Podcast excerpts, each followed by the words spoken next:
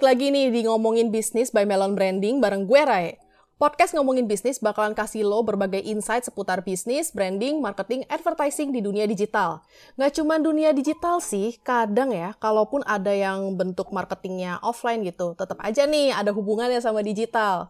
Di episode sebelumnya, gue udah banyak banget sharing soal gimana sebuah brand ngebangun brand arsitektur sebagai rangka biar bisnis lo itu saling berkesinambungan antara branding, strategi marketing, sampai ke organisasi perusahaan. Kalau diperhatiin kan kemarin-kemarin itu ada beberapa komponen yang perlu dilengkapin ya untuk bangun brand arsitektur kayak market research, cek kompetitor, terus juga USP yang mau ditampilin di bisnis lo komponen-komponen ini emang nggak boleh kelewat sih, soalnya ya, mereka-mereka ini tuh nggak cuma dibutuhin untuk di brand arsitektur, tapi juga bakalan ngaruh nih ke bikin strategi branding. Bahasa kerennya sih brand strategis. Brand strategis itu perlu dilakuin sama bisnis nih, supaya lo juga ngerti dan paham journey untuk ngebangun sebuah brand tuh kayak gimana sih. Lo mau dikenal sebagai brand yang kayak gimana, terus juga mau nyasar target market yang kayak gimana gitu kalau ada yang di luar target market lo pas perencanaan ya, lo bakalan ganti target market atau enggak nih. Terus bedanya sama brand arsitektur tuh gimana dong? Bedanya, brand arsitektur itu semacam kayak blueprint gitulah. Lebih ke pondasi dari sebuah brand dan bisnis. Kalau brand strategis itu masih bisa berubah nih seiring dengan perkembangan zaman dan pasar. Tapi emang brand strategis itu pastinya bakalan ngikutin brand arsitektur gitu. Nah, brand strategis ini bisa berlaku untuk berbagai fase bisnis nih. Kalau lo baru mulai, PR lo mungkin akan lebih banyak karena lo juga mesti mikirin si komponen-komponen brand arsitek kayak yang gue pernah jelasin nih di episode sebelumnya. Mesti tahu dulu target pasarnya siapa, produk lo mau jawab masalah apa nih dari konsumen, terus juga keunikan brand lo tuh kayak gimana, kompetitor lo tuh juga kayak gimana. Lo lengkapin dulu deh perintilan-perintilan yang sebenarnya nggak perintilan banget sih ya ketika lo mau memulai bisnis. Bisa dibilang ini fase discovery untuk cari tahu dasar dari bisnis atau brand lo nantinya. Sebenarnya ini juga bisa diterapin nih di lini bisnis atau pengembangan bisnis yang udah berjalan. Bedanya kalau brand arsitek kan lebih ke arah soul-nya dari sebuah bisnis gitu. Kalau misalnya brand strategis itu kan ya strategi dari beberapa fase sebuah brand. Setelah lo udah punya data-data pondasi ini dan bisa ngambil kesimpulan, lo bisa masuk ke fase berikutnya, itu fase brand identity. Di sini lo tuh kayak lagi ngebentuk identitas brand lah gitu. Karena kan lo udah punya basic, udah punya dasarnya, sekarang waktunya lo untuk bikin identitas brand lo tuh kayak gimana. Biasanya, fase ini tuh dilakuin sama bisnis yang udah mulai jalan duluan kegiatannya. Tapi mungkin belum begitu maksimal lah di fase pencarian identitas, lo bisa mulai dengan visi misi dari bisnis perusahaan lo tuh seperti apa. Apa aja nih goals yang mau lo achieve gitu. Nah, goals ini perlu diukur jangka waktu dan bergantung sama fase bisnis. Contoh, di masa baru mulai berarti kan fase perkenalan ya.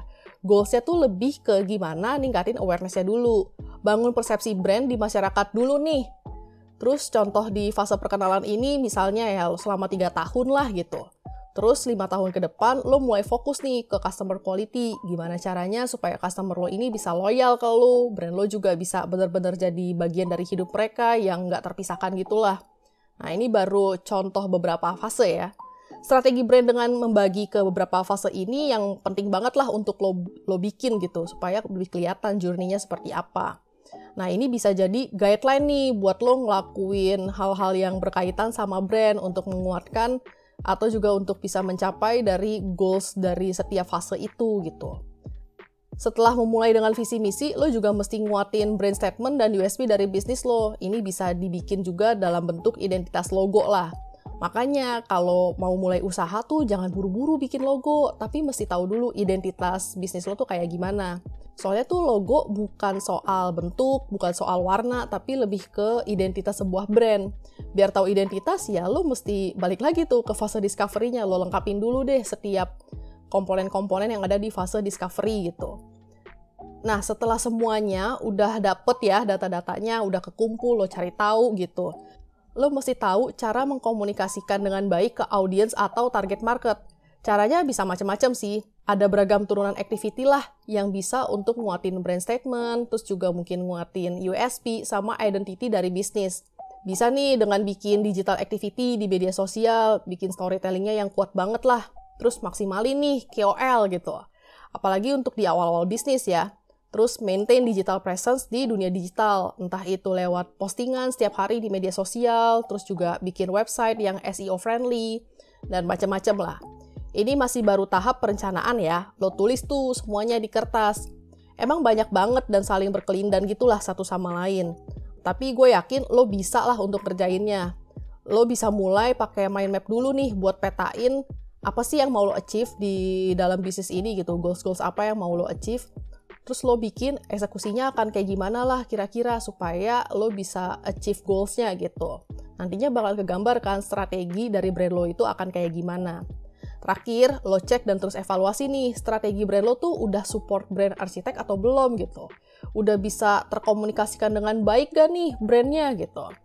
Nah, KPI-nya tuh bisa macam-macam ya, tergantung dari media komunikasi yang lo pakai atau juga bisa dicek dari hasil penjualan, terus juga dari hasil download, hasil klik, kalau misalnya itu produk digital gitu. Atau lo juga bisa bikin survei atau angket ke target market lo. Nah, ini kan kayaknya banyak banget ya, tapi jangan overwhelming. Komponennya emang banyak sih, tapi kalau dikerjain pelan-pelan ya pasti bisa kok. Kalau lo ngerasa podcast ini bermanfaat buat lo, lo bisa share ke sesama teman lo yang lagi mau atau sedang bangun bisnis nih.